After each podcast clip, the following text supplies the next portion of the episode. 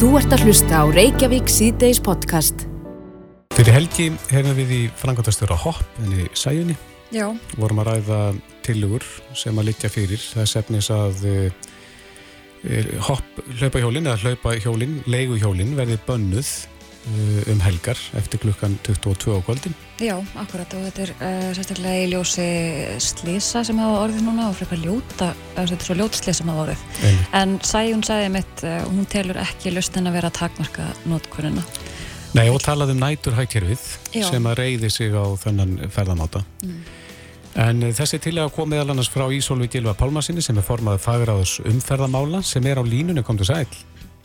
Já, komið sælblössuð. Ja, þetta eru rótækar tilugur uh, sem að þið leggjið fram hjá fagráðinu að, að setja bara blátt bann við þessum ferðamáta eftir 22 á kvöldinum helgar.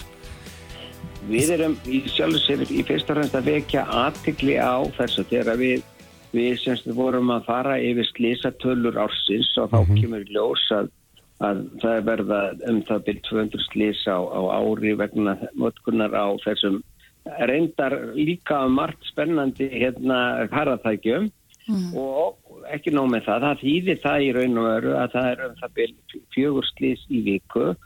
Og, og svo kemur í ljós að, að vesturslýsin og flest eru akkurat á, á, á, á seinta föstudags og lögðarskvöldum Mm og við höfum auðvitað ekki eitthvað ákvörðunavöld, við getum fyrst og fremst okkar, við erum, við erum hérna, eigum að beita okkur fyrir auknu umbreyðaröryggi og þetta er eitt af því sem að við höfum verið að ræða. En eins og ég segi, við náttúrulega ráðum þess ekki, það eru aðri sem gera það. Já, Þið hafið vantilega að skoða markaðin bara í öðrum löndum líka í kringum okkur.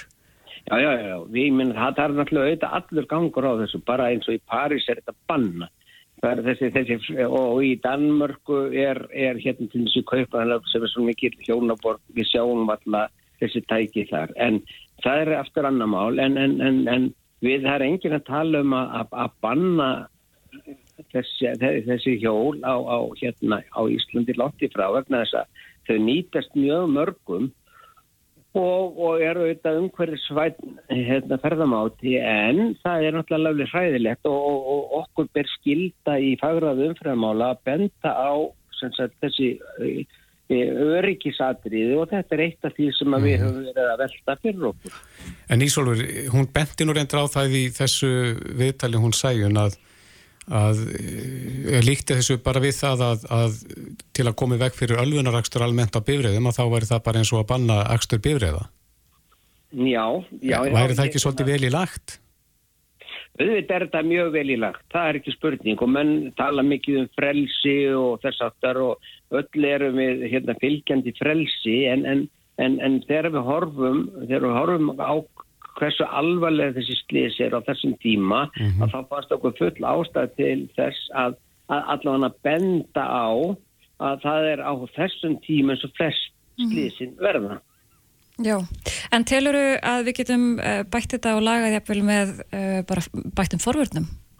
í endilega meiri upplýsingum, meira, meira, meiri umræðu og líka það að til dæmis bara eins og höfuborgarsvæðin og reyndar þessi hjól eru víðar heldur en á höfuborgarsvæðin en, en þau eru á, mest áberandi þar og það er náttúrulega alveg dásanlega hjólastígar um allt á öllu höfuborgarsvæðinu og ég á það nú til að, hjóla einmitt á þeim stígum. Þá er líka fullt af ungu fólki sem er með hernartól á höfðinu og, og, og sko er ekki veist, með fulla meðvindund varðandi hérna notkunn á þessum faratækjum og það er þetta bara mjög alvarlegt og, og fólk sem er gangandi og, og, og hjólandi er oft í, í svolítið hættu af því að þetta uh, unga fólk er, er ekki alveg með hugan við það sem það er að gera. Nei.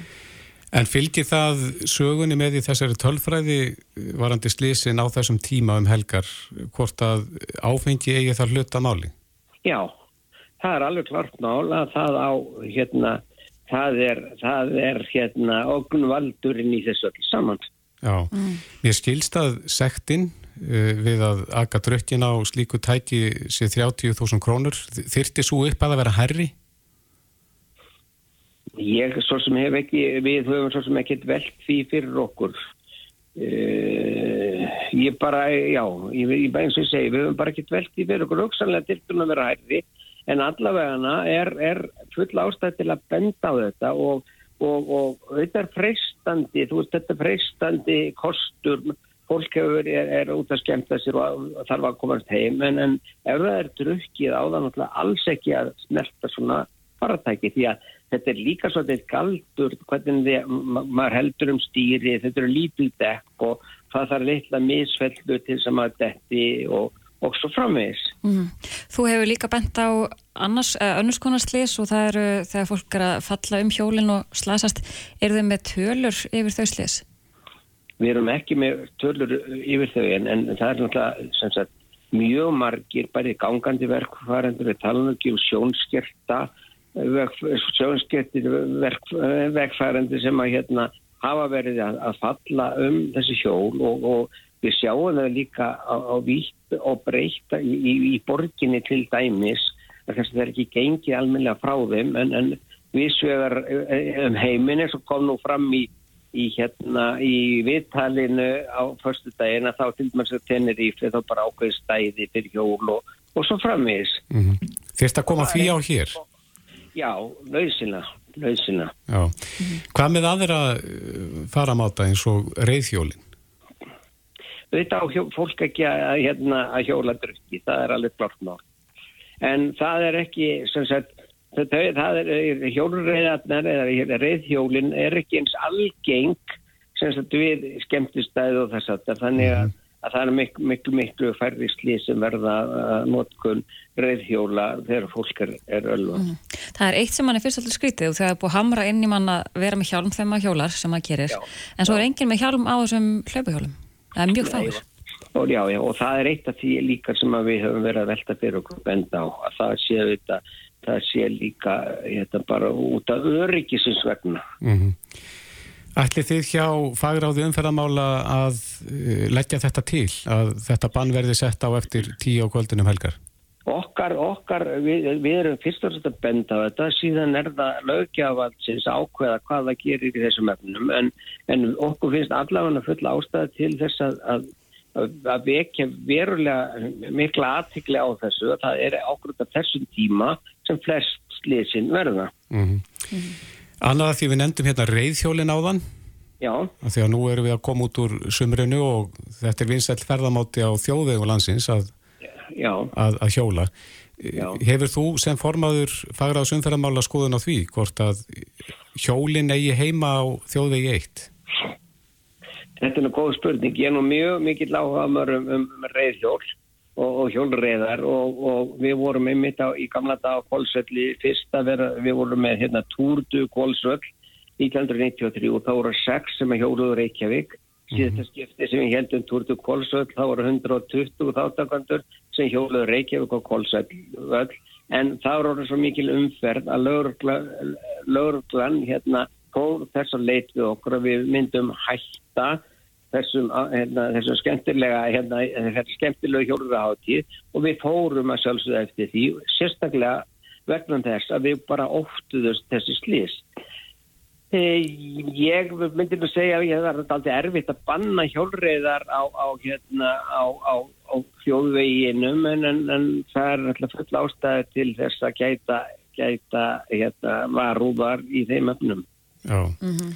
Erfitt að tryggja öryggi hjólræðamanna Já, það er, það er bísna, bísna erfitt og, og það er nú gaman að segja frá því líka. Ég átti í gamla dag þegar ég var í tingin átti ég einmitt til um, um uh, hjólastíga og það var nú gert pílindir grína því en, en, en við vorum í umhverjastemnd og flestir í umhverjastemndinni skrifuð upp á þess að til okkar og núna er aðeins að rætast úr því það er að fjölka hjólastígum. Það tala nú ekki um að höfuborgarsvæðinu sem er með þess að frábæru hjólastíga en það eru hjólastígar til dæmis að akkuriði inn eigafjörðin og, og hérna eða út eigafjörðin og, og, og fleiri stöðum til dæmis millir Selfos og Eirabakka og hjólulegar er, eru náttúrulega óskaplega skemmtilega hérna, skemmtilega ferðamáti. Einmitt. En er þetta að gera eitthvað meira til þess að tryggja öryggi reyðhjólamanna við þjóðveg eitt? í sko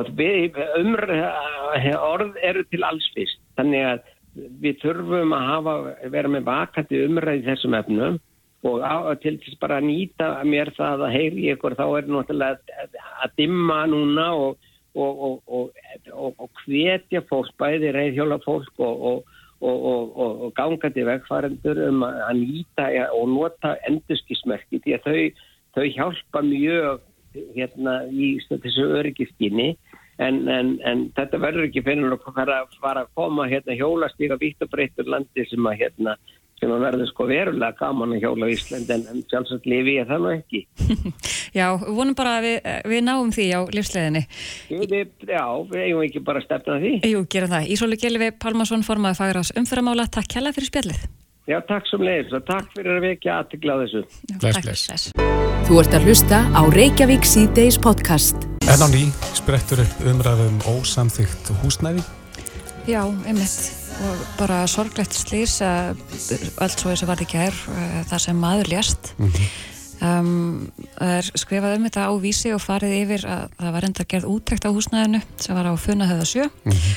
Uh, úttækt á brunavörnum þar sem það var nú búið að bæta alla brunavarnir fyrir utan held ég að það vantæði þann útgönguleið Já, og þetta náttúrulega rekur alltaf sama brunni það er húsnæði skortur í landinu og, mm. og fólk neyðist til þess að búa já, meðalans í ósamþyktu húsnæði á línunni er Sigur Vindi Jóhansson innviðar á þeirra, kom til sæl Já, selveri Já, þessi mál er á þinni könnu Hvernig líst þér á, á blíkuna? Þarf ekki að fara að gera eitthvað svona fyrir alvur í þessu málum?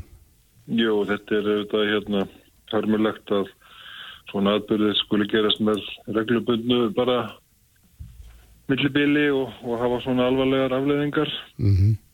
uh, í kjálfarið á hennum alvarlega bruna og, og hérna á Bræðarborgastík sem var nú sennilega fyrir eitthvað tremur árum Já, 2020 í júni að þá hérna var þávarandi á þeirra sem brunamála sem sett á laginnar ákveðin samrásóp sem mjög margir komið að. Og hann gaf út skýslu með alls 13 tillögum sem að sumar fóru í vinslu og hérna svona sem að var hægt að gera. Þegar ég var komið hennar málaflokk þá setti ég á laginnar annan starfsóp til að útfæra sérstaklega fjórar tillögur sem kallaði á á breytingar og lögum og reglum og svona flóknari leið. Mm -hmm. En, en, en það og, og hann sáhópur skilaði hérna til okkar í ráðnetinu síðastliði vor og við höfum verið semst með það núna á döfunni að koma frum varp sem að mun byrstast núna í november þar sem við erum að taka á, á svona ákveðnum þáttum í kringum þetta það er að segja að gefa fólki mögulega og að búa í svona það sem við kallum í dag óleifis búsetta á, á grunni þess að þar sé þá búið að fara út fara hérna úttækt bruna mála, öryggis úttækt mm -hmm. hotlustu hátta og annara þátta. Þannig að það sé þá að veita tímabundna heimil til þess að, að búa þar einhvers konar öryggis skráningu það er líka verið þá að veita slökkviliðinu í þessu frumarfi heimildir til þess að fara í eftirleitt þeir hafa til miður lendið því og látið á það reyna fyrir domstólum þessum að á grundvelli persónuvendar og enga fríhelgi enga lífsins þá hafa það verið vísað frá. Uh, og það verið að gera semst, þessa þætti sem að gera það verkum að við getum uh, annars vegar haft eftirlit og veitt heimildir. En ég vil líka minna á að á grundvelli svona þessara skoðunar þá fóruðu stjórnvöld í að gera skýslu sem að þetta er ekki komið í april 22 sem að tefnilega 2000 manns hérna höfuborgarsvæðinu var talið búa í svona húsnæði sem ekki er ætlað ætlað sem íbúarhúsnæði mm -hmm. sem að var talsveit mikið færra heldur en í skýslum að það er áður og undan og húsnæði margt skarra og það er svona grundvelli þessarar skoðunar og, og þessara atbyrða sem mann segja Eh, við núverandi aðstæður þegar við eigum ekki nóga mikið húsnæði þá getum við þess að fara þessa leið að heimila tímabunna öryggiskráningu og þá samhliða eftirlit. Án þess þó að slá af öryggiskröðum? Án þess að slá af öryggiskröðum, án þess að slá af, af því að þetta sé hérna heilnæmt húsnæði. En þú segir að þetta frumvarp er á leiðinni Já. ætti það ekki fyrir löngu að vera að komið fram svona með að við umræðan undan farin ár? Ég sko, eins og ég segi, þetta sprettur upp úr þessu. Það er tillugur sem að koma, þar eru nokkra sem við gáttum sett í gagnið strax og hafa bara farið í að virkni eins og fræðsla og, og svona ákveðna þætti inn í kerfinu. Mm -hmm. Þessir hafa síðan tekið þennan tíma til þess að þróa vegna þess að það er það takst á við svona, alls konar áskoranir og þessa skýslu fekk, fekk, fengum við hérna í ráðnitinu í, í vor og þá settum við strax fram áformum um hérna lög frumvarp í höst og síðan bara tekur þetta þennan tíma og það er verður klart nú í nógumber. Mm. Uh, það er hérna uh, 2020 þá byggur 2000 manns í atvinnu húsnæði. Veistu hver talan er í dag? Nei, þetta er auðvitað nýjastu upplýsingar sem við höfum sem voru þá, þetta var bísna góð úttækt sem við gerðum sem HMS styrði og voru fleiri sem koma að það var talað við, held ég alltaf helminginu af þessu fólki og á einu síða tungumálum, þannig að við gáttum líka að skapa okkur svolítið að sína á aðstæðunar mm -hmm. sem að voru ef að segja sem betur fyrr heldur skári heldur margur hafði óttast og hópurinn kannski heldur minni og hafði minga frá því sem áður hafi verið talið En síðan er þetta stóra málið og þið nefndu það í inganginum hjá ykkur að, að síðan er þá að, að halda áfram að byggja á yngar frambóð af, af íbúðarhúsnaði mm -hmm. fyrir hópa sem eru meðal annars tekjulágir. Mm -hmm. Það er þess vegna sem við erum að leggja svo miklu áherslu á að setja meiri fjármunni í stoppframlög fyrir legumarkaðinn, óhagnaðadreifnu fyrirtæk hérna félögin og önnur félög. Þannig að fólk hafi ráð á því að búa í leguhúsnaði sem og hérna að stórefla hluteldar lána fyrirkomulegi sem við gerðum í sumar og var mjög vel tekið á markaði til þess að hjálpa fólki sem getur eignast húsnæði í gegnum það fyrirkomulag að, að fá sitt húsnæði. Hvar... Þetta er auðvitað stæsta verkefni en það mm -hmm. tekur bara tíma. Já. Já, það tekur náttúrulega tíma að byggja þetta húsnæði já, og, já, og hérna koma, koma því upp. En hvar, hvar stendur það með, með þessu aukningu á fjármunum inn í þetta kerfi? Já, í fjárlögunum næsta ár og þau, þau áform sem við kynntum núna í vor við voru að byggja um, um, um þúsund íbúðir sem var tvöföldun á því stá ári sem var tvöföldun á þeim framlögum sem við vorum með áður í fjárlögum. Mm -hmm. Þannig að við erum að bakka mjög hérna, stert upp í kringum þessi áform. Já. En aðeins varðandi þetta frumvarp sem að þú segir að sé á loka metrónum, þar að segja veita slökkuleginu auknar heimildir til eftirlits. En, og, og, og, og hérna veita heimild þess að skrá sig í þessu húsnæði. Já, akkurat. En, en varðandi þennan part slökkulegsins að, að fá aðgang að þessu húsnæði, ef að húsnæði er ekki fullnægjanda þeirra mati, fá þeir heimildir til þess að loka húsnæðinu? Já, það eru líka sem sagt frekari úrræði, þingunar úrræði í, í, í brunavörðarlögunum sem það líka fari yfir. Já. Þannig að það er, það er, það, það er verið að horfa á þetta helstætt til þess að geta, geta sko það er eitt að vera að koma lögjöfuna og síðan annað að hún fara að fungera og það er sem það fara að láta þetta gangu upp og ég held að við höfum verið að vanda okkur til þess. Mm -hmm. Hvenar myndu leggja þetta fram á þingi? Það var fyrirhugaði nógumber og ég veit ekki að það gangi. Já, ekki fyrr. Sem er, sem er í næsta mánuði. Já, akkurat. Sigur Ingi Jóhansson, innveðar á þeirra. Ég skulle vona að, að það veri tekið til í þessum málum. Þetta eru allt og mörg mannslíf sem að þessir brunar er að kosta. Kæra það ekki verið spjallið? Já, ég tek undir það. Það er mjög mikilvægt og hvet alla sem að bæði búi í svona húsnæði eða eiga svona húsnæði að ganga eftir því að það sé sómasamlegt og líkunar á svona gerist. Takk fyrir. Takk. Þetta er Reykjavík C-Days podcast. Það er svo sem í mörg hodna líta þegar að efnaðast ástandi er svona og eitt hodnið er mjög mikilvægt. Það eru fastegna kaup. Já, einmitt og svona til venulegu kringustæðum þá e, það sem hefði komið höst og nálgast veturinn mm -hmm. þá e, væri hann nú farin á blúsandi siglingu. Mm -hmm. En við hefum heyrt af því að þeir sem eru sölu hugleðingum eða byrjar í ferlinu eiga bara margir erfitt uppdráttar. Já. Til dæmis vinafólk mitt sem held opið hús uh, á, um daginn mm -hmm. og það mætti enginn Mætti enginn á að opna húsið? Nei, við erum að tala um null. Og er þetta eh, fín eign? Já, Ekkert við hefum búin að heyra fleiri sögur Já. á við þessar. Er, er sem sagt frost á þessu markaði? Það er góð spurning. Eh, við erum einmitt með rétta mannin til að svara þessu. Það er Pál Pálsson, fastegnarsali. Góðan og blessaðan daginn. Er Buenos Días? Búin að því að. Við veitum að þú ert í Barcelona.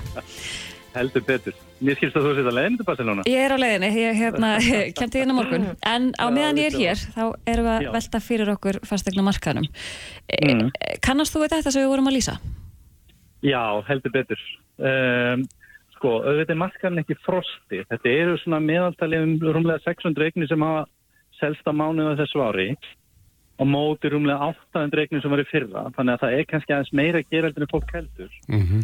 en auðvitað tengja alveg við þetta og maður heyri það ofta að, að það er ofin hús og það kemur engin og, og það svo er einn annað ofin hús og það kemur engin en það er einn ástæð sem er langt algengust fyrir þessari fyrir þessari, hvað maður segja fyrir það sem gerist mm. í raun og veru Og hver er það? Er, það er það að sko markaðurinn á síðustu 12, 13, 14 mánum hefur hækkað um svona um, um umkringum 2%. Mm. Það er að segja 60 miljónir kr. nýbúð, hún er hvað, kostar umlega 61 eitthvað svo les. Mm -hmm. En ásettuverðin, auðlistuverðin á netinu hafa hækkað um sko að meðaltal yfir 8%. Já, helst Þannig ekki hendu við, við markaðin sjálfan. Nei, nei, þannig að sko það eru oft væntingar seljanda um verð uh, sem gerir það verkum að markaðurinn eru hafna verðinu. Ég er ekki að segja þetta sé alltaf svona, en þetta er langt algengast ástæðan fyrir því að það er raunveru bílið á milli þar sem fólk vil fá fyrir regnuna sína og raunverulega getur fengið fyrir regnuna sína. En er það ekki fastegna salans að leiðbina fólki með, með þetta? Að sjálfsögðu og raunveru gefur, gefa fastegna sala bara heiðilega ráðgjöf og bara byggt á gögnum, ekki það sem mann hafa tilfinningu fyrir, mm -hmm. en á mhm. endanum er það alltaf seljandin. Þú segjum svo þið ættið íbúð sem kostaði, segjum bara 80 miljónir og ég var með gögn sem síndi fram á það, einhverja samanbörðu og sölur og svo framvegis, en þið að finna segja, nei, herru, ég vil fá 90. Mm -hmm. Og þá náttúrulega eh, fer, fer fólk með eignum sína markað, heldur opið hús, engin mætir og þá er alltaf sagt, váka markaðan er róluður. Mm -hmm. En, en staðnætt er eins og svo að fjöldi þeirra sem eru með sinna fastinni með honum að leita sér á fastin er rosalega hár. Já. Það er mjög margir að leita á útkíkinu en, en það er þetta, þetta er langa algeng ástæð fyrir eignir er ekki að selja. Er fólk að býða til því að ástandi lægist? Já, vissulega er að gera það. Veist, það er, nú, nú er til dæmis landsbankinu komið nýja spá á markaðinu til ásins 2027 og þeir eru að spá því að með lækkun vaksta og lækkun verðbólgu og þeir eru að spá að veri tölur lækkun og verðbólgu á næsta ári að þá munir það auka söluna á fastanumarkaðanum. Uh, þeir eru einnig að spá til ásins 2027 á þessum tíma, á þessum tremur ánum, en þeir eru að spá eitthvað á bylunum 16-20% hækkun á fastanumarkaðanum. En mun aukin eftir spurni eða þess að aukið eftir spurni eftir eignum, mun það ekki keira verðið upp að, að nýju? Ég er hættur um það. Uh, það er þetta, núna er mjög gott frambóða eignum, það eru rúmlega 3000 eignir inn á markanum á landinu öllu, um 2000 höfbruksvæðinu, 30% af því eru nýbyggingar.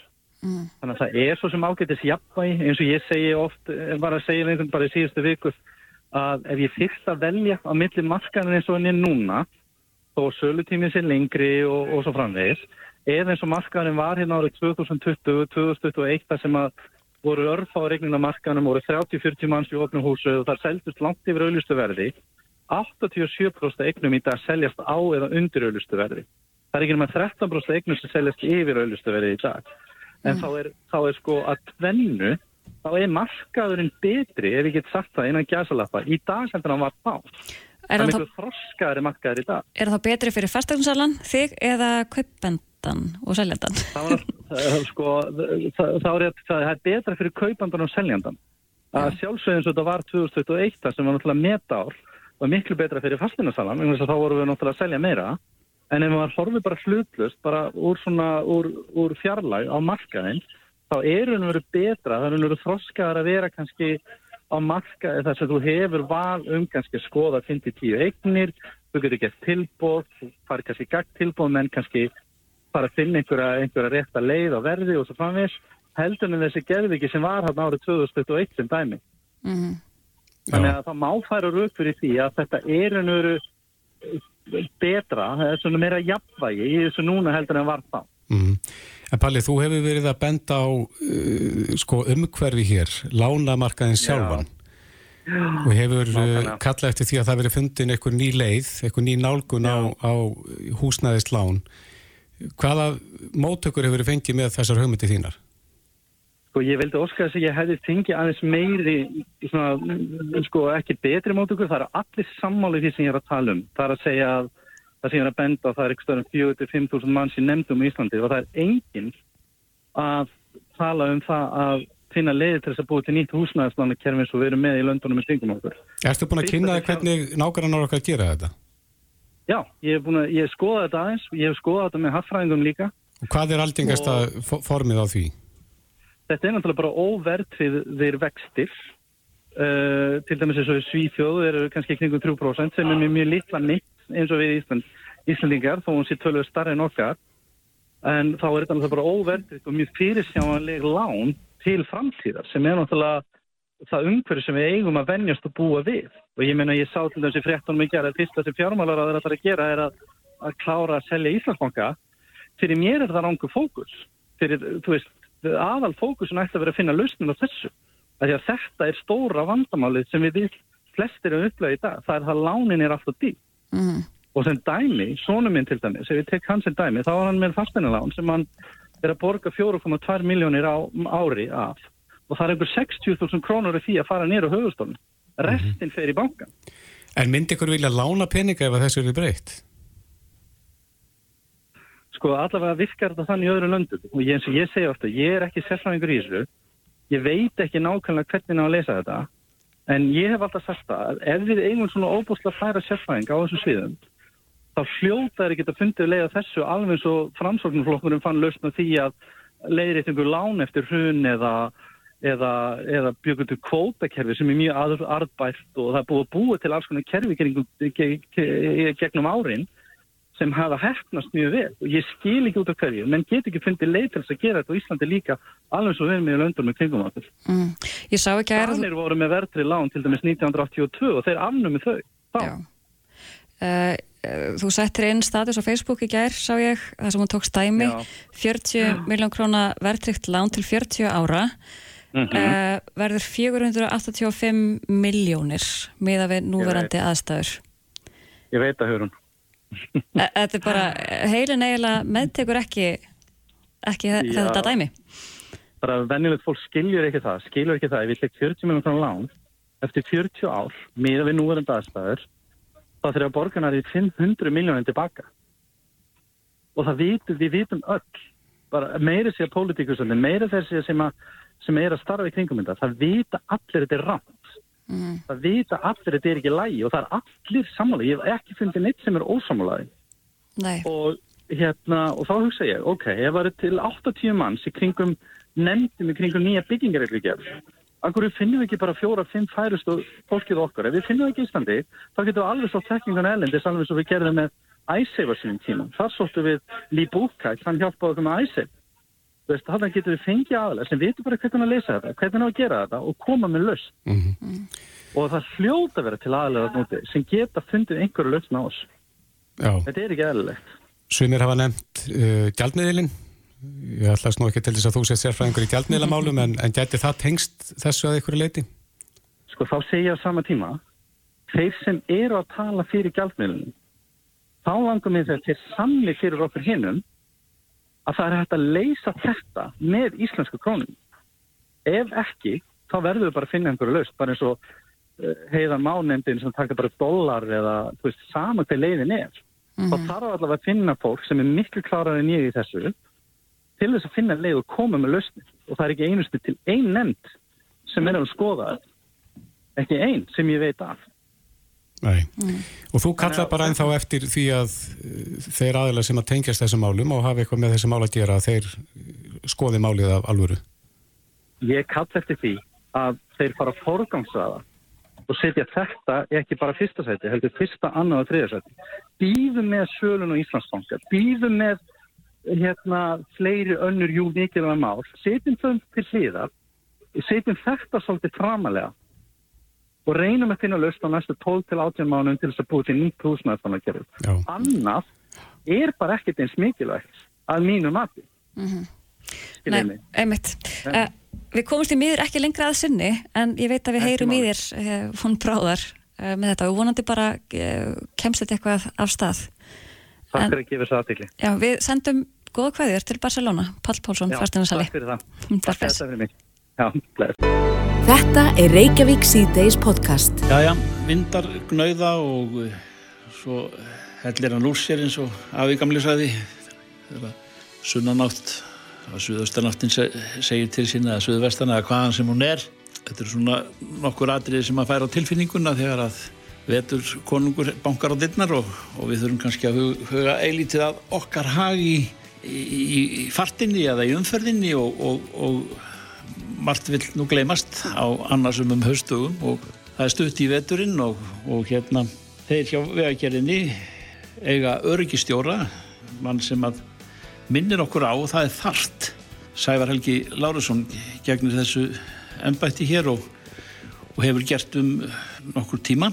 Eh, þetta er ekki ástæðalöst að, að þessu var komið á hjá viðagerðinni þessu starfi þínu sem þú gegnir Nei, nei, það er afskaplega mikilvægt og þarft að, að huga vel að örgismálum því að það skiptir svo miklu máli að, að gæta þess að gangi gegnum lífi helst slisa löst þannig að manni líði vel á líkam og sál eins lengi og við náum að tóra hér á þessari jörð Mm.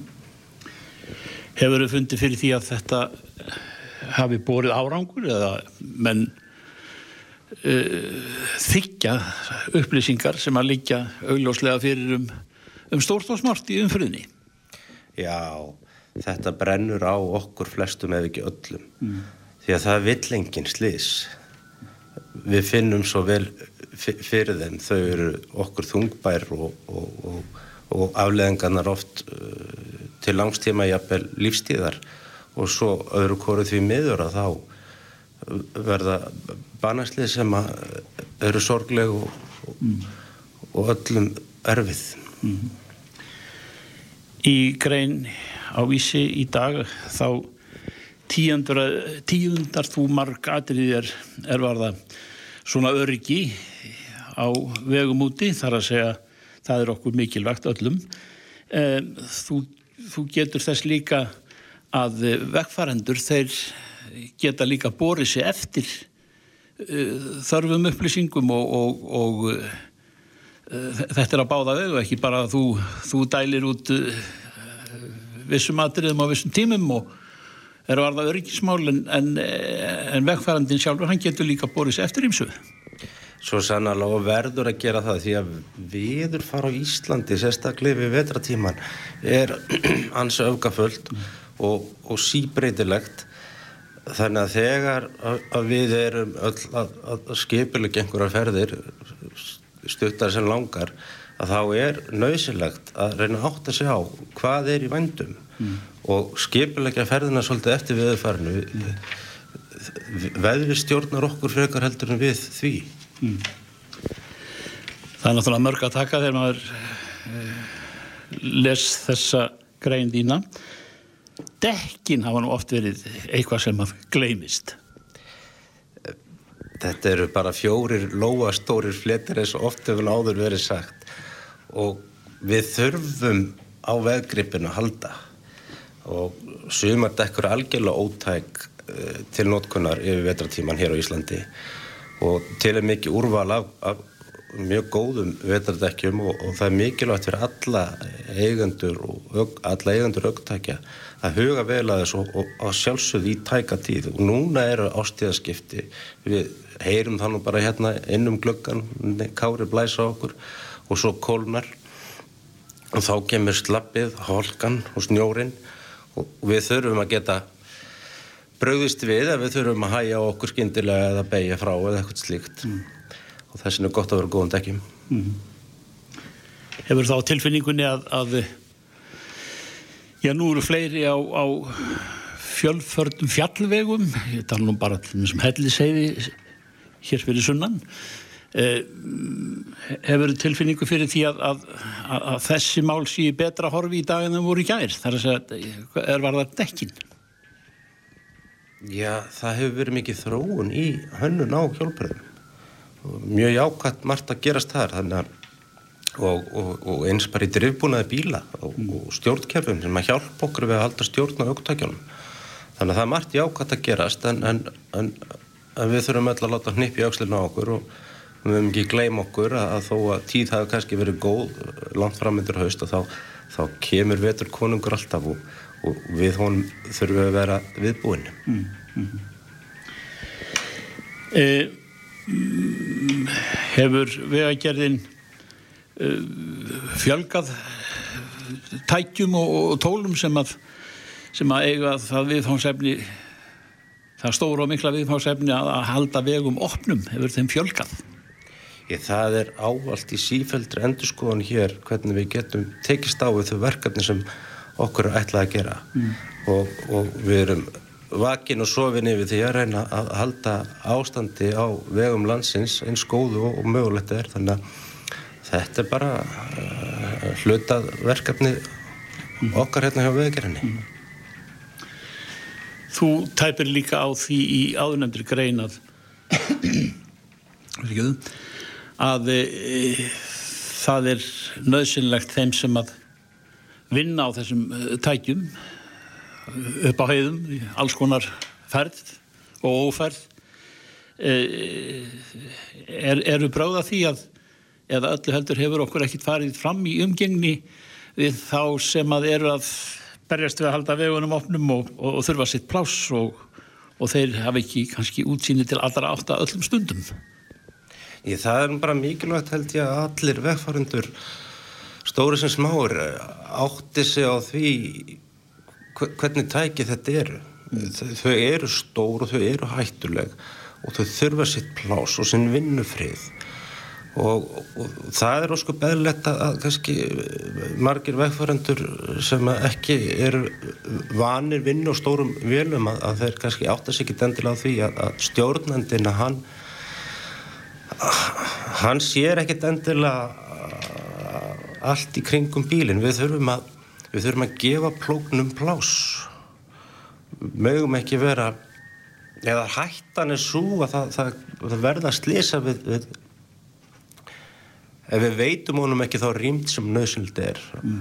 ekki aka of nálagt honum ígrunda varlega hvort að það ættir að fara fram úr helst bara ekki vera að fara fram úr blóðum og hæja á sér þegar þú ert að mæta snjóblóð því að að það er oft mikið kóf og mikið sem gengur á í, í námynda við þessa snjóblóa mm. Mm.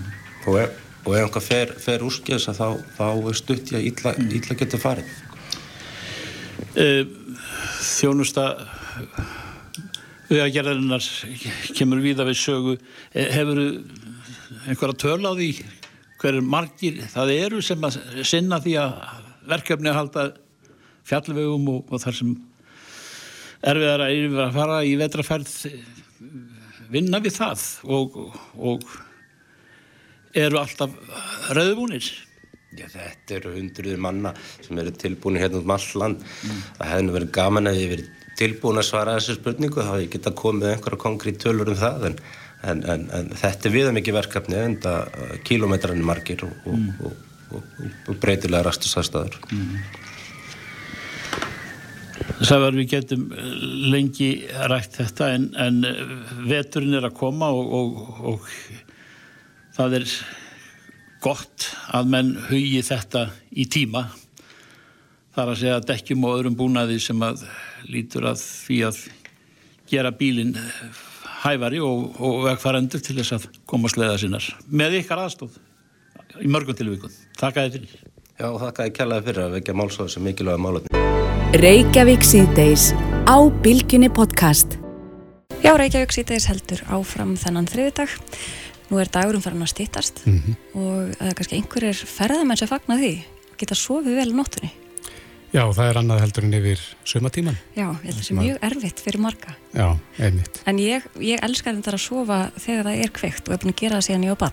Að sofa semst við, við ljós? Já. Já. Um, ég veit nú, ég held ég hef ekki verið myrkvalinn, en svona mm. þegar maður lítið tilbaka þá uh, hefur þetta verið eitthvað svona snerti af myrkvalni mm -hmm. en það er einmitt uh, margir sem finna fyrir því allavega ung börn Já. margir fóreldrar sem kannast við þetta vandamál eða má kalla vandamál að líða illa í myrkri Já, mm -hmm. Uh, en hún er komið til okkar, doktor Þórhildur Haldarsdóttir, lektor við Háskólan í Reykjavík og barnasálfræðingur. Sælblessið og velkomin. Já, sæl. Takk fyrir að, að lefa mér að koma. Hvað segir þú um myrkfælni og myrkfælni barna? Uh, ég er bara að teka undir það sem þú varst að segja. Það eru bara rosa margir sem þekkja þetta. En uh, þetta er bara gífulega algeng, sagt, algengur ótti og miklu liti er hann eðlilegur, þannig að ekki vera að tala um eitthvað, eitthvað sem er hamlandi eða neitt þannig fyrstum sinn, það er bara mjög eðlilegt að börn vilji sofa með náttljós og hafa opnu hurð og eitthvað svo les Er þetta áinni nótti?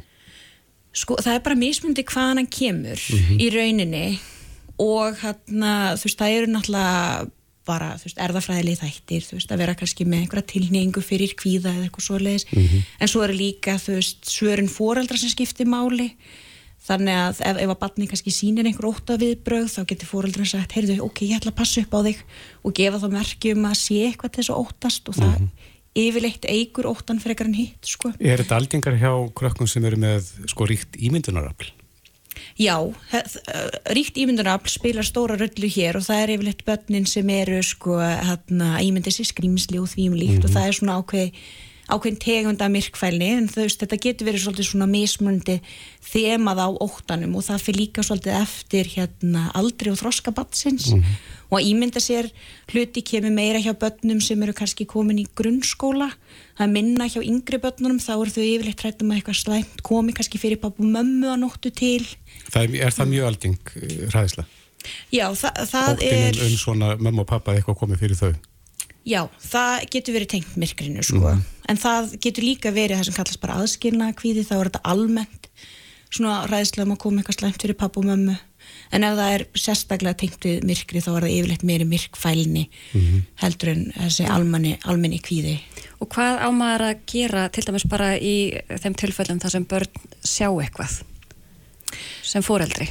Sko, bestaleginn til þess að nálgast þetta er annars vegar að veita fræðslu útskýra til dæmis af hverju við sjáum aðeins öðri í sig að nóttu til heldur en að degi til, það er veist, til dæmis af því að sjáaldur okkar stækka mm. og þannig við erum ekki með jafn næma sjónskinjun þá og svo er líka þetta að fara út í fræðslu um skugga af hverju þeir myndast og því en líkt þannig að það getur hjálpa rosalega mikið og ég held að það ekki það flestir þegar maður er komið með smá fræðslu og þekkingum hlutina þá dregur mm. það úr kvíða og það alveg það á það sama við um börn sem er að fást við myrkvælni Er það börnum þá að sjá einhverja verur svona út úr þessum skuggum sem að myndast? Það getur gerst, mm já.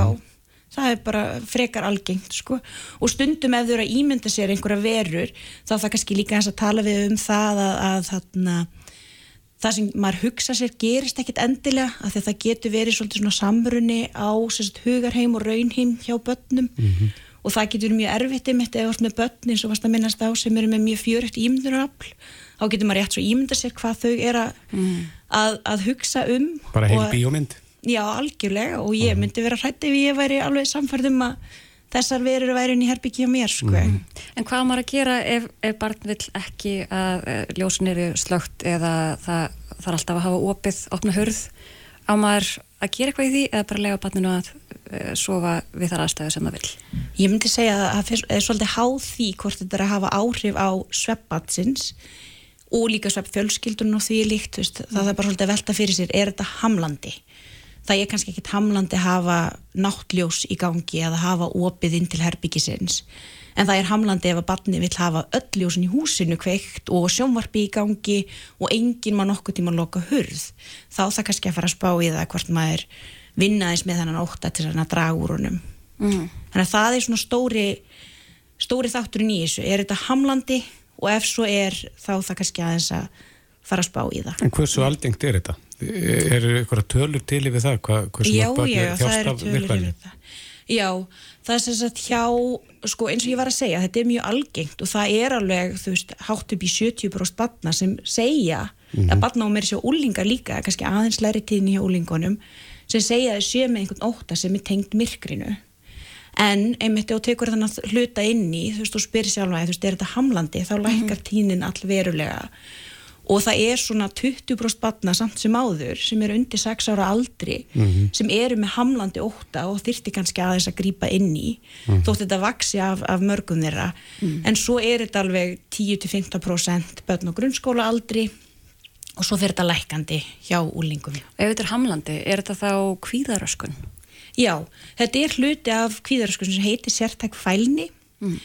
og, hérna, og það er bara mjög, það getur mjög gaman að vinna með, með svona kvíðaröskanir en af því að maður getur gert það á svona leikja, með svona leiki í huga. En eins og þú veist, ég er barnasálfræðingur og hefur verið að vinna með mörgum börnum sem eru með myrkfælni og það er bara með því skemmtilegra sem ég geri. Af því að maður getur stilt þessu upp í leik. Já, og hvernig leiki hefur verið að leika þessu? það er, þú veist, það sem maður þarf að gera náttúrulega með kvíðaraskanir eða bara kvíða almennt er að koma barninu í þar aðstæðar sem kvíðir til þess að barnið átti sig á því að ímist gerist ekki það sem hefur ágjör af eða þá ef það gerist þá er það ekki svo slæmt þannig að við erum svona hægt og rólega að koma barninu í það að vera í myrkri til þess að það læri mitt að það er ekkit að ræðast þarna Slekkuð þú þá ljósinn í tíman? Já, ég gerir það alveg hygglaust mm -hmm.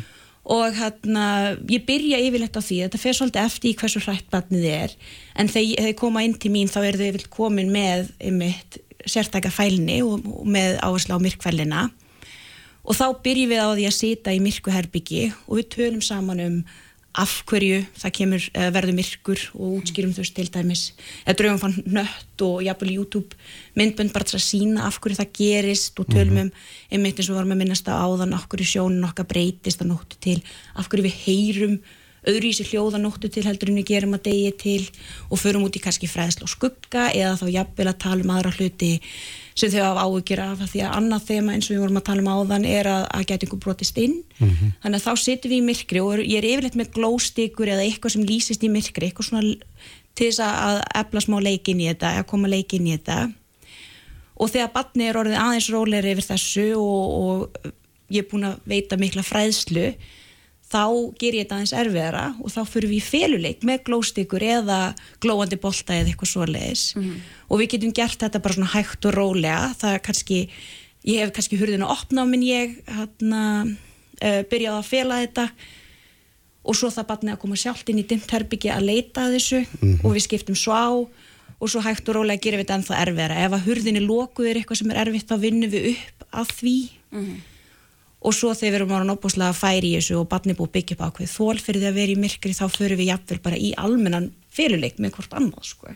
og þá erum við í myrkri rými að fel okkur. Og þá er einmitt ertu búin að setja barnið í þessa aðstæði sem maður ræðist og svo spyr maður einmitt þegar maður er búin að finna barnið bara gerist eitthvað ræðilegt hvernig gekk þetta? Og, og því er líkt. Er þetta árangusrygt? Mjög svo Um, það er bara hríkala góður árangur á þessu og, og sko þeirri tækni sem ég nota oftast þá erum við að beita sagt, erum við bann í meðferðilega þrjár klukkustundir samflegt, við tökum auðvitað hlið inn á milli en yfirleitt koma börn inn og þá eru þau með sagt, uh, ná greiningaskilmerkjum fyrir sértaka fælni, þannig að þetta er mjög hamlandi mm -hmm. bæði fyrir barni og fjölskyldura og eftir þrjá tíma erum við yfirlegt í bara mjög góðum gýr í einhverjum feluleik og þau eru rosalega góði að vera í myrkrinu sjálf mm.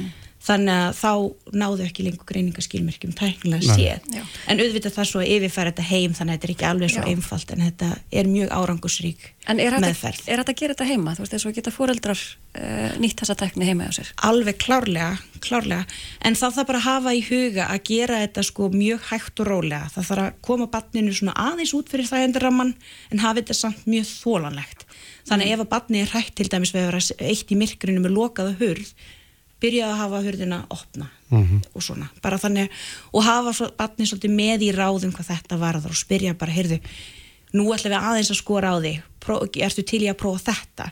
Og ef ekki þá þá það bara vera með smá málamiðlun og ofta reyndar svolítið að selja barninu að, að koma sér í þessar aðstæðar að því skiljanlega. Ef það er rætt þá vill ekki fara í þessar aðstæður. Mm.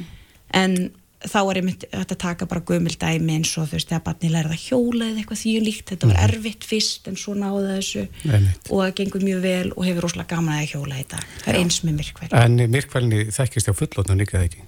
Jújú, jú, það þekkist alveg á fullorðum, það er bara ekki algengt og uh, kannski færri sem segja frá því almennt séð heldur en mm -hmm. börnin, en ég menna auðvitað er það alveg til að, að fólk sefir með ljósinn kveikt eða vill ekki vera eitt að nóttu til eða og, og því en líkt sko, mm -hmm. þannig að þetta er alveg klálega til en þá sko En fyrir uh, fullanna til að vinna að buga á þessu? Það er bara það sama, það er að koma sér í þessa aðstæður. Fari féluleik? Já, Já fari féluleik, ég myndi alveg mælum því. Það, þú veist, að, að fástu kvíða, á, sama á hvað maður aldrei maður er, það þarf ekki að vera leiðilegt. Nei. Það getur bara mjög gaman og gefandi, sko. Mm -hmm. Og svo er einmitt líka mjög mikilvægt að uh, koma inn í þetta líka svona einhverju umbun, bæði með því að vera hrósabatninu eða jafnvel fullarna einstaklingnum sem er að fástu myrkvælni og líka kannski að, að, að umbuna með því að, að um, leifa með velja fyrstudagsmynd eða eitthvað svoleiðis eða auka tölvutími eða eitthvað þannig. Mm. ef maður er fullorinn þá getur maður líka leift sér að fá, fá að kaupa sér kaffibotla eða eitthvað þannig bræður um kvöldið. Einmitt, bræður um kvöldið, það væri mjög flott. Já, frábært. Uh, Takk fyrir ótrúlega skemmtilegt og fræðandi spjall Þórildur Hallarsdóttir, lektor við Háskólan í Reykjavík og barnasálfræðingur Hlustaðu hvena sem er á Reykjavík C-Days podcast. Snúum okkur eins að þingi. Já, ég veit að þú ert mikill áhuga maður um að fara inn á alþengi.is og kíkja á fyrirspurðir. Já, bara þingmála skranna og þar rekum maður oft augun í stjæmtileg mál sem að þingmenn eru svona velta fyrir sér. Mm. Og við rákumst á eh, nokkra fyrirspurnir frá þingmenninum Indriða Inga Stefánsinni sem er eh, var að þingmaður Pírata. Já, og yðin, má segja. Já, með fjölmarka fyrirspurnir til Ímissar á þeirra og hann er komin til okkar, hann Indriði Ingi. Velkomin. Takk fyrir. Já, þú ert með nokkur mál og nokkra fyrirspurnir. Eða að fara eins yfir, yfir þessi mál? Jú, það eru uh, heilmarka fyrirspurnir akkurat núna. Uh, ég var nokkið að ekkert að tellja neitt endilega mjög, mjög mikið en þegar þú hefur samband þá tjekka ég að það eru komin að 17 fyrirspilnir sem að ég sendi inn sem slíkar mm -hmm. þetta skiptið Og hver er þetta velta fyrir þér? Ég sé ef að byrja hérna á vettjalús sem hefur nú verið svolítið til umræðu Já, ég hérna hef svolítið litið á það sem svona hlutverkar varðingmannsins að vera svolítið fylg, fylgja svolítið með því sem er í gangi mm -hmm. og raka augun í faraldur sem að verið skanga í, í Fraklandi og Þó, fór þó að veltaði fyrir mér uh, hvort að við séum að eitthvað viðbúin við því, hvort að ráð þeirra hafi gert ráðstafanir til þess að breyðast við því og þá mögulega hvernig, og mhm. hvernig mm. ráð þeirra sjáu fyrir sér að koma í veg fyrir að við fáum, fáum þetta sambælega faraldur hér því að þetta hljómar ekkert sérstaklega. Ekki sérstaklega vel, nei, og við fáum náttúrulega alveg aðragrúa af hérna, ferðamennum, erlendi ferðamennum sem geta borið þetta með sér. Það er akkurat málið. Mm -hmm. Og talandum erlenda ferðamenn, uh, þú ert líka velta fyrir þér uh, erlenda ferðamenn í umferðinni. Já, um, það komst hérna tölvört í umræðu fyrir nokkru, uh, mögulega þá hvort að ferðamenn sem er að lega bíla, bíla hér reynilega hafi til að sketu að stjórna þeim mm -hmm. og þá dætt mér í huga kanna þar sem ég komst að því að það er ekki endilega víst að aukurskiptinni það sé gafkvæm gilding þannig að aukurskiptinni okkar gildi til dæmis í Kína eða Brasilíu þó að þau skiptinni gildi hér mm -hmm.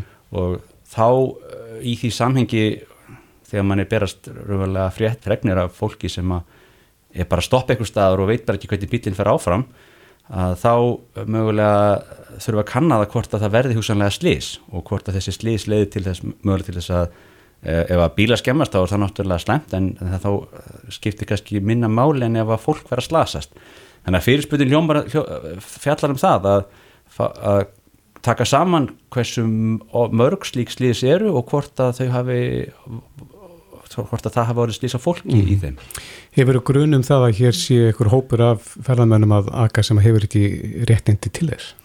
Ég náttúrulega þekki það ekki, maður náttúrulega hefur kannski bara heyrt sögur af því og, mm. en, en það, það er akkurat, fyrirspunnir er akkurat leiðin til þess að fá úr slíkum hlutum skorið. Já, og þetta er einmitt eitt af svona því sem Íslandika tala eitthvað kannski ekki mikið um en þetta er búið að vera í umræðinu í mörg ár. Akkurat. En maður hefur aldrei fengið gögnin. Einmitt og það er það, það, það sem að uh, mér finnst kannski vera ákveðin skilda sem varðingmaður þegar maður fær tækifæri að nýta sér þá, þá möguleika sem því, í því felast að fá úr slíkum hlutum skorið. Mm -hmm. Anna mál hérna sem að þú ert með fyrirspil til þeirrum samstifti við heilbriðis starfsfólk. Já, vissulega. Þarna, nú, nú erum við að fá hingað mikið af fólki og mm -hmm. mögulega eru tungumóla kunnáta, eh, mögulega er, er, passa tungumólan ekki saman. Þannig að sjúklingur getur ekki ekki gett skiljanlegan á tungumóli sem lekninu skilur. Og þá rakst ég á verkefni sem heitir Say Your Pain þar sem að uh, er búið að setja nýr á, á blað raunverulega þýðingar fyrir þá bæði tungumólin þannig að þá ef að, ef að sjúklingurinn skilur kingvesku þá væri við búin að setja þar niður uh, lýsinguna á kínvesku með íslensku þýðingunni. Þannig að sjúklingurinn geti látið vita hvort honum sé kallt, hvort honum sé heitt hvort þetta sé stingandi sásöki eða skerandi eða, eða, þann, eða, eða þá eftir aðdökum hvað ætti við og þannig væri hægt að mögulega ef að uh, vandamálið er að sjúklingurinn ná ekki gera grein fyrir því hvernig hann líður að þá leiði það til þess að greiningin á kvillanum sem að háa hann verði ekki rétt. Er þetta notað annars þar í heiminum? Uh, þetta, ég, þetta er eitthvað sem held ég verið að, verið að skoða og við ættum að gera það skiptið sama mm -hmm. Og þú ert að menna ef að sjúklingurinn er jafnvel íslenskur ellendur helbíðastafsmar eða öfugt Akkurat, raunverulega hvort, hvort sem væri það það myndi hvort tvekja eiga við mm -hmm. Og varstu búin að heyra eitthvað af því að um, þetta hafi verið, er tungumála örðuleikar hafi orðið innan helbriðskerfusins? Ég bara, aftur, aftur, nú er þetta bara sögur sem maður heyrir og, mm -hmm. og þá, þá er, er þetta leiðin til þess að fá úr því skorið hvort svo sé. Mm -hmm. Annað sem þú ert að velta fyrir, þú ert að velta ýmsum hlutum fyrir, en þú ert að velta fyrir þér skadlegu innrihaldsefni papparörum, við höfum aðeins heyrt af, af þessu. Að... Já, fólk hefur með þess að ringt inn í símatíma og, og vera þetta. Já, og ég vil velta því fyrir sig hvort sé skadleira, það er að segja papparörin eða plasturörin. Akkurat, það er náttúrulega enginn farið varhluta til umröðu sem að komu upp þegar, að, þegar að þessi, þessi, þetta, þetta breytist og, mm -hmm. og fólk var jæfnilega hérna í, í dauða lita plastskeiðum eða rörum hérna sem að hafðu týnst eitthvað staðar en svo sá ég einhverja frétt um það að það, þegar þetta hefði verið kannad og í Európa-sambundinu væru töluveru hluti þegar papparöru sem er í nokkuð þar mögulega innihalda hættuleg uh, efni, svona svo kvöldu PFO eða PFAS efni mm -hmm. sem að uh, geta verið mjög lengi og við mögulega getum ekkert losna við og þá þótti mér rétt að ganga skuggum það ef að, að fá úr því skorið með hvaða hætti yfirvöld hér fylgist með því og tryggi öryggi okkar borgarna með því að koma í veg fyrir það. Mm. Já, ég held að það sé bara mjög þart að, að rannsaka það eh, og fá gögn frá því. En uh, annað innan heilbyrðskerfisins, og þú myndist að það hérna aðan, það er intökuprófi í læknisfræði. Já, nú kann það skjóta skökku við eins og við heyrum bara sífælt fregnir af því að okkur vanti heilbyrðstarfsfólk, okkur vanti uh, starfsfólk til að sinna ákveðnum, ákveðnum verkefnum. Við vitum líka að sumar heilbyrðstjættir uh, eru þannig, með þannig aldursamsetningu að mögulega væri stórir hópar að fara á eftirlun fljótlega að þá var ég að velta því fyrir mér hvort það þurfu ekki að skoða hvort að intöku skilirðin sé of ströng og hvort að við getum auðvitað án þess að uh, setja uh, gæðin í hættu gert okkur að tilslaganum þannig að við fáum fleiri lækna til þess að sinna þessum mikilvæga verkefnum mm -hmm. Til að mæta þessari þörf Það sjálfsög Já mm -hmm. En e, nú leggur þú fram þessa fyrirsputnir, þú ert ekki á þingi í dag, e, þú eru kannski ekki á þingi þegar að svörin koma við þessum e, fyrirsputniðinum. Er, er það ekkert erfitt að geta ekki fyllt málunum eftir? Það er, það er, jú, það getur verið erfitt, en svo stundum fæ maður tækifær til að fylgja þeim eftir þegar að, þegar að, þegar að kallið kemur að þá getur mm. maður aðtöða, var svari sem ég fekk, var það fullnægindi eða langar mig til þess að mögulega uh, spyrja, spyrja aftur á móti og þá bara nýtir maður það svo er ég líka í ágættum samskiptum við fólkið í þingfloknum sem að sem að hefur stundum hlaupið undir bakka með ef að, ef að þarf að fylgja spurningum eftir og ég hef ekki tækifæri til vegna þess að ég sé ekki inn á þingi akkurat þá. Mm. Hvernig er að vera vara þingmaður? Þetta er þetta er bæði áskorun og líka mikil heiður að fá að vera fulltrúi almennings á, á þingi og og ég fagnar því hvert skipti sem að slíkt tækifæri gefst mm. en þetta er erfitt Hvar starfaru? Ég er, forrættari svona í dagvinninni Og er ekkert mál þegar að kalli kynur að, að fást eitthvað til? Jú, svo það maður kannski bara að ræða það við, við vinnveitanda hvernig uh, verður list úr daglegum verkefnum með hérna, öðrum hætti en það er oftast hægt að bjarga hlutunum þannig að þannig að það sleppi til mm. Og þú hefur flutt jómfrú ræðina þína ekki satt? Jú, það, það, það passar ég hef búin að halda nokkra ræður á þingi og svo fyrsta var uh, í umræðu um kjörbrifin hérna í eftir síðustu kostningar mm -hmm. sem að var ansi laung og ströng svo, svo þingvika mm. Og þú hefur bara komið inn á þing þegar eitthvað hafar í gangi, eða ekki?